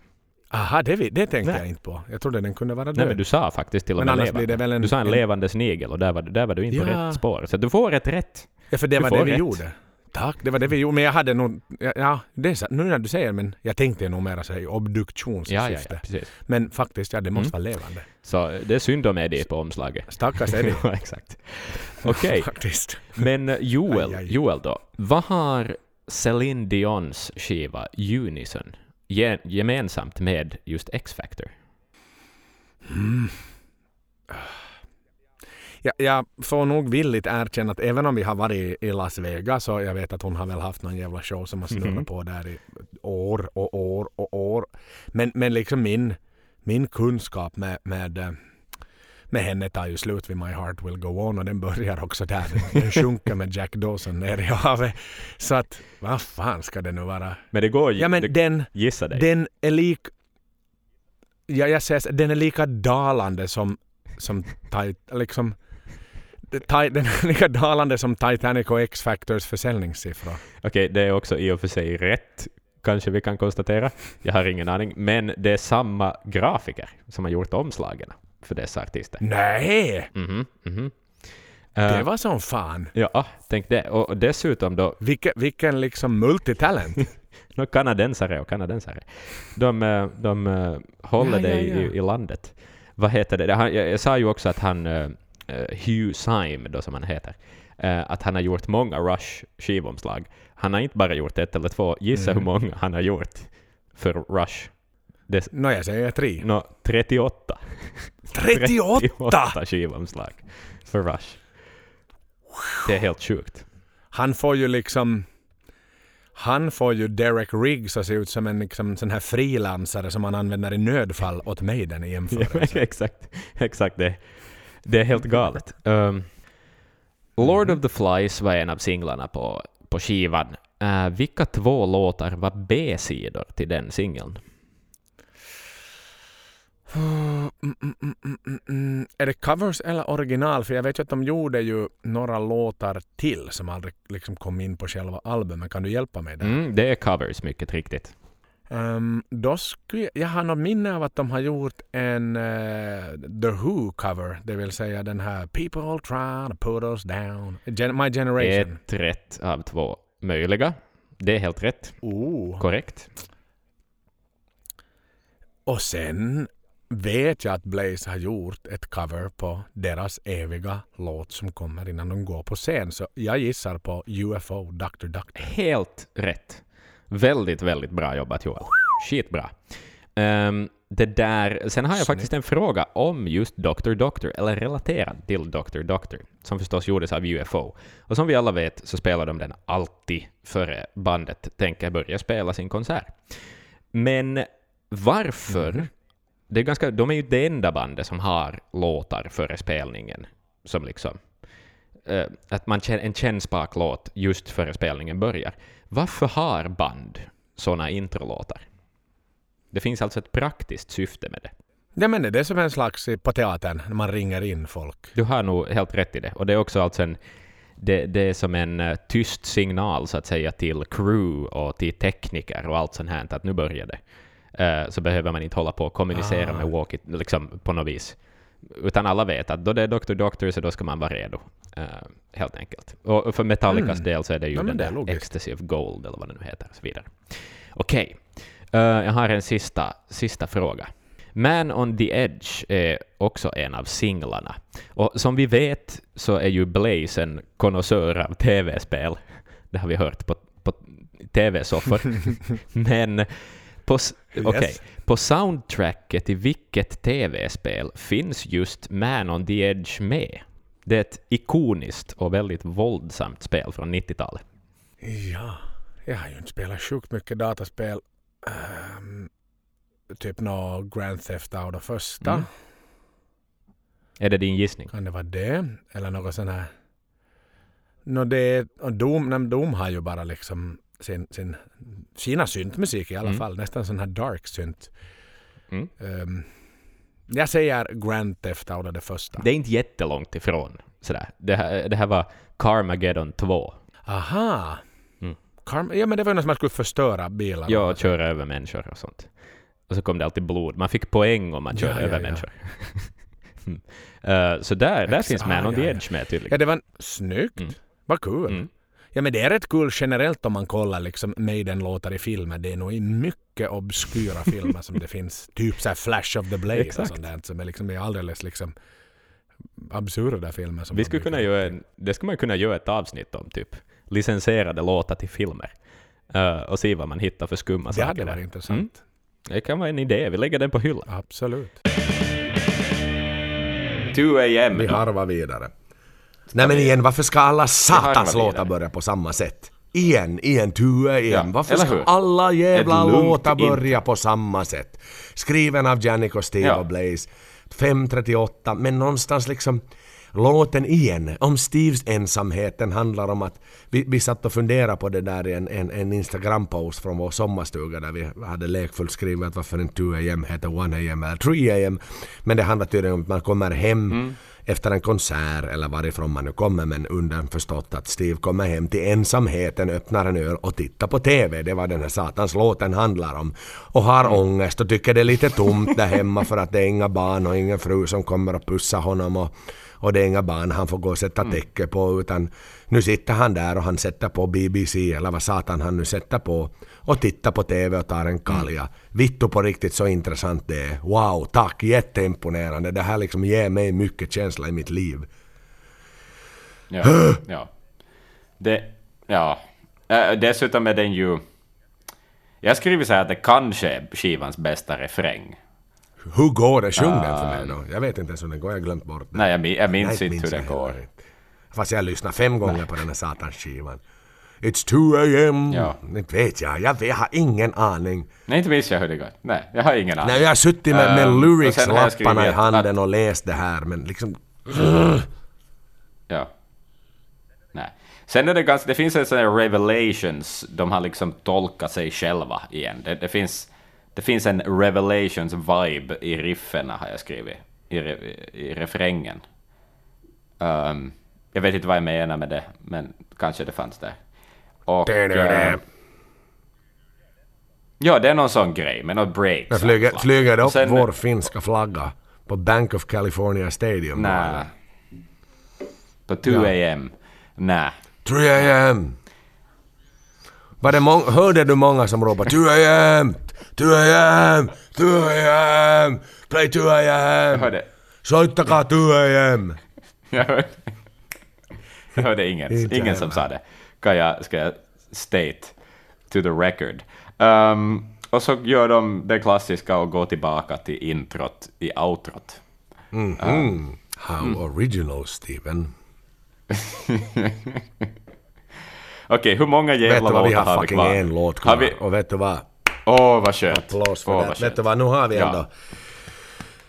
The final song of the album. Det är ändå någonstans, man, det är ju här förväntningarna ska ligga på topp. Mm. Det är här, alla vet att Rime of the Ancient Mariner ligger. Det är här vi vet att Alexander the Great ligger.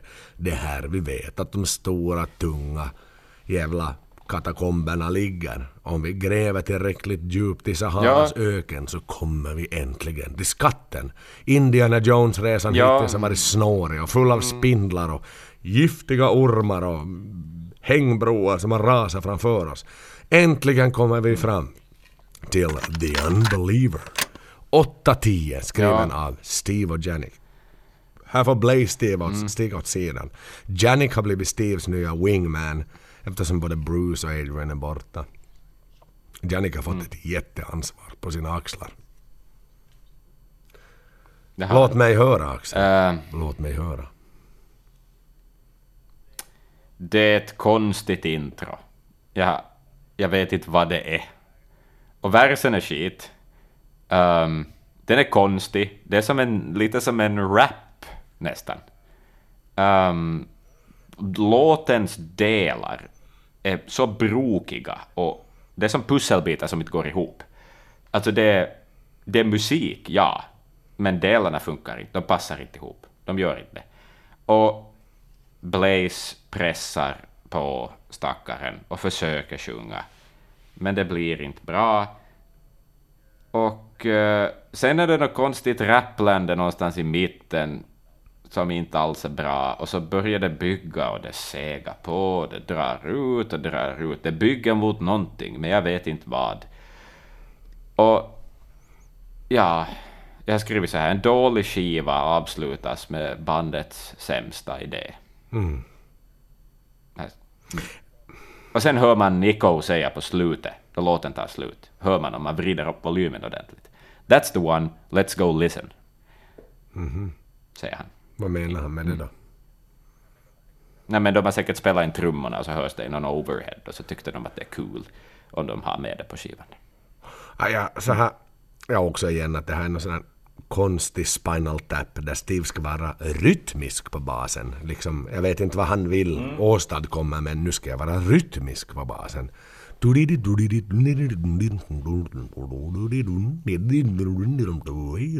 Det är liksom sådär, men, men det ger ju ingenting till låten, det ger ingenting till musiken. nej. Men, men liksom, och, och, och igen, återigen får vi en låt full av ångest och vånda. Och, och Steve är en fantastisk låtskrivare. Men han är ju inte en sån här, vet du, självmordsbenägen poet som sitter i dunklets mörka Nej. sidor och på riktigt kan skriva om själens inre mörker. Alltså han är ju inte en Bob Dylan liksom som, vet du, verkligen översätter ord i musik. Det är inte Steve Harris.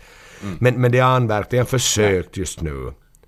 Och, och, och, och det fick mig att tänka, vad tänker nu de här gamla trotjänarna Dave och Nico vid det här skedet? Okej, nu har vi liksom haft fucking nio det här var tionde låt eller elfte låt om samma sak igen. Om samma ältande om mörker och självmord och sitta ensam framför TVn och hej och hallå. Alltså liksom Ja men de har ju varit med på the heydays. Davy för fan som aldrig vågar säga någonting. Han har skrivit två låtar fram till idag och alltid är den lojale. Han är Steves mest lojale man. Och Nico då, som kommer in vid Peace of Mind och bankar igång sin karriär i fucking Where Eagles Dare.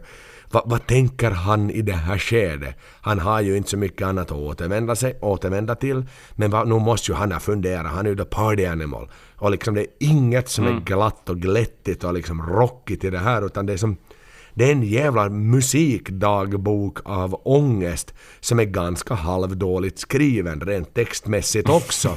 Att den här kommer ju inte att publiceras i textform och vinna en massa jävla priser för att det är den mest djupa mänskligheten någonsin har kommit fram till i form av papper. Mm. Nej. Ja. Men vet du vad Axel? Nej. Vet du vad det bästa just nu är? Skivan är slut. Ja, ja, det är skönt. Alltså jag trodde inte ärligt talat att jag skulle tycka så illa om den här skivan. Jag hade trott att jag skulle tycka om den lite mer. Ehm, inte vet jag varför, men Ja men det är ju Maiden! Den är det är ju för den fan är- Maiden! Ja. Man tänker att det är klart att Maiden dyker upp på något sätt och man kanske har lyssnat på den med vänster Ja, hand för att det var ja. Blaze som var sångare och man har inte riktigt Exakt, mäktat precis, med och hinna Ja. och man väljer att preferera liksom the good days med, med Bruce. Men, men, men det är trots allt Maiden tänkte man. Men nu har man gett den här Ja, ett jävla ordentlig lyssning och, och, och tammetusan alltså. Den här skulle aldrig ha getts ut. I min värld skulle man ha Nej, gett ut nej, The nej. X-Factor i form av en singel som heter Sign of the Cross. Det hade räckt bra. Mm. exakt. De var inte redo Ja. att ge ut en skiva just nu. Det pratar vi lite om med Somewhere in Time. Men jämför man den här med Somewhere in Time så borde Somewhere in Time ha vunnit alla priser i hela världen. För den går Ja, ju ja, inte... Alltså den är ju liksom... Den är ju uppe i stratosfären, Somewhere in Time, i jämförelse med den här. Medan den här är inne i jordskorpan. Mm. Den har borrat ner sig så ner till, till den jävla magman som rinner ner där. Alltså, på något plan är det ju otroligt ändå att, att det är så dåligt så att vi 25 år senare ännu är arga Ja. på något vis. Ja, och att jag Eller kan liksom- brusa upp så här mycket som jag faktiskt gör. Ja, ja. Och det har väl kanske att göra med att jag har undvikit den här skivan som jag var inne på. Jag har Mm. gömt undan den lite längst undan för jag tyckte inte hemskt mycket om den när, när den kom ut. Jag gav den den chans den fick och den chans den förtjänar. Men nu när vi liksom känner Mm. oss tvungna, nu var det X-Factor vi skulle göra. Och, och jag är så satans snuvad på konfekten alltså. Jag, är så, jag, jag, jag, känner mig så bedragen av Iron Maiden i det här fallet. Jag, jag är liksom rånad och jag har inga kläder på. Nu är det Joel på The Strip i, i Las Vegas utan kläder, utan pengar, utan hotellnyckel, utan mobiltelefon och utan pass som ska försöka ta sig till Finland. Det är ungefär det så jag känner mig just nu. Och, och, och vilken jävla uppförsbacke de gav stackars Blaze här då. Då ska han ändå vara med i ett album Ja. till. Och det har inte med Blaze att göra, jag vill verkligen betona det att det är inte Blaze fel. Ja, För som, som ja, du sa, man, man har ju skrivit ner Blaze och man har vridit, även om Blaze då kanske på de tysta delarna har försökt lite hårdare och försökt låta lite starkare, Mm. så har man nog fan med i kontrollrummet sett, ner, sett till att man vrider ner honom. För att är man inte så säker på Ja. sitt val då plötsligt? Eller vad är grejen? För fan, vi Nej, har en ny nej, jävla sångare, låt ja. honom vet du ta plats. Han ska låta högre än varenda jävla instrument, så enkelt ska det ju vara. Han Ja, är the fucking Bruce replacer. Det är det är inget annat. Han är the replacement of Bruce. Så enkelt är det ju för fan. Men, men varför Ja, gömmer ni undan honom som han skulle vara någon jävla skåpsuput här liksom som man inte riktigt kan visa för dagsljuset? Tamme fan ändå. Jag tycker Nej. det är riktigt skamligt liksom av, av, av gänget det här. Ja, och att ja. ingen hade en cojones att gå upp och säga åt, åt, åt Steve att vet du vad, vi har en ny sångare. Du är mannen som har anställt honom. För det är du som har sista ordet i det här bandet. Och när vi nu sätter in honom på vår nya skiva som heter X-Factor så tycker jag att vi kanske han skulle kunna höras också ibland. Du Ja, behöver ja. inte kompensera Ja, det- Bruce Dickinsons frånvaro med din bas. Det passar inte in i Iron Maiden, det är inte vår grej. Nej. Nej. Nej, någon borde ha sagt det åt honom. Så att, jag vet inte, har du mera liksom Eller ska vi börja... Nej, jag har så- ingenting mer att säga. Jag, Jag skulle vilja mera generellt säga, om, om, nu har vi ju ingen som lyssnar längre, så nu, det är ganska skönt Nej. jag och du Axel som pratar just nu.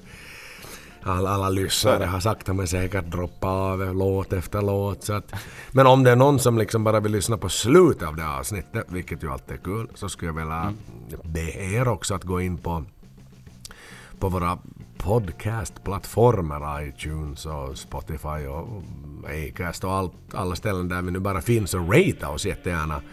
Skriv gärna en, Ja. en, en liten kort recension om ni vill och ge oss fem stjärnor för att det gör att vi stiger högt upp eh, i, i de här mystiska datavärldens whatever, algoritmer så att vi Algoritmer. får en, en, en bättre hitrate och vi kanske hittar flera människor som vill lyssna på oss. Så att eh, det hade gjort oss väldigt glada om ni hade velat göra det. eh, Så definitivt. att, eh, det är väl det jag vill säga. Och, och som sagt, det här avsnittet har väl säkerligen framkallat en del känslor hos er också, för det har det fan mig gjort. Jag har aldrig varit så slut efter ett avsnitt som när vi har bandat det här. så att kommentera vårt avsnitt på Facebookgruppen Maiden-podden. Ni plockar enkelt inträde dit genom att svara på en enkel fråga. Eh, Eller på Instagram naturligtvis. Men vi vill höra er feedback. För det här var, det här är, det här. Ja, ja. Vi har öppnat spelen med Axel här. Men Exakt. Ja, men så är det. Finns det något i det som Steve påstår? är det något vi inte har sett? Är det något vi Exakt. inte har förstått? Är Ja. vi totala idioter Ja. som bara springer efter liksom the glory? Men, men, men jag har på riktigt gett mitt allt och jag har varit objektiv. Jag startar en podd här. Det är inte liksom, Ja, den är inte ja. en jätte... Vi försöker vara objektiva även om vi ibland, eller för det mesta är subjektiva. Och det är klart våra åsikter är alltid Mm. våra åsikter men jag ville ändå se den här med nya ljus.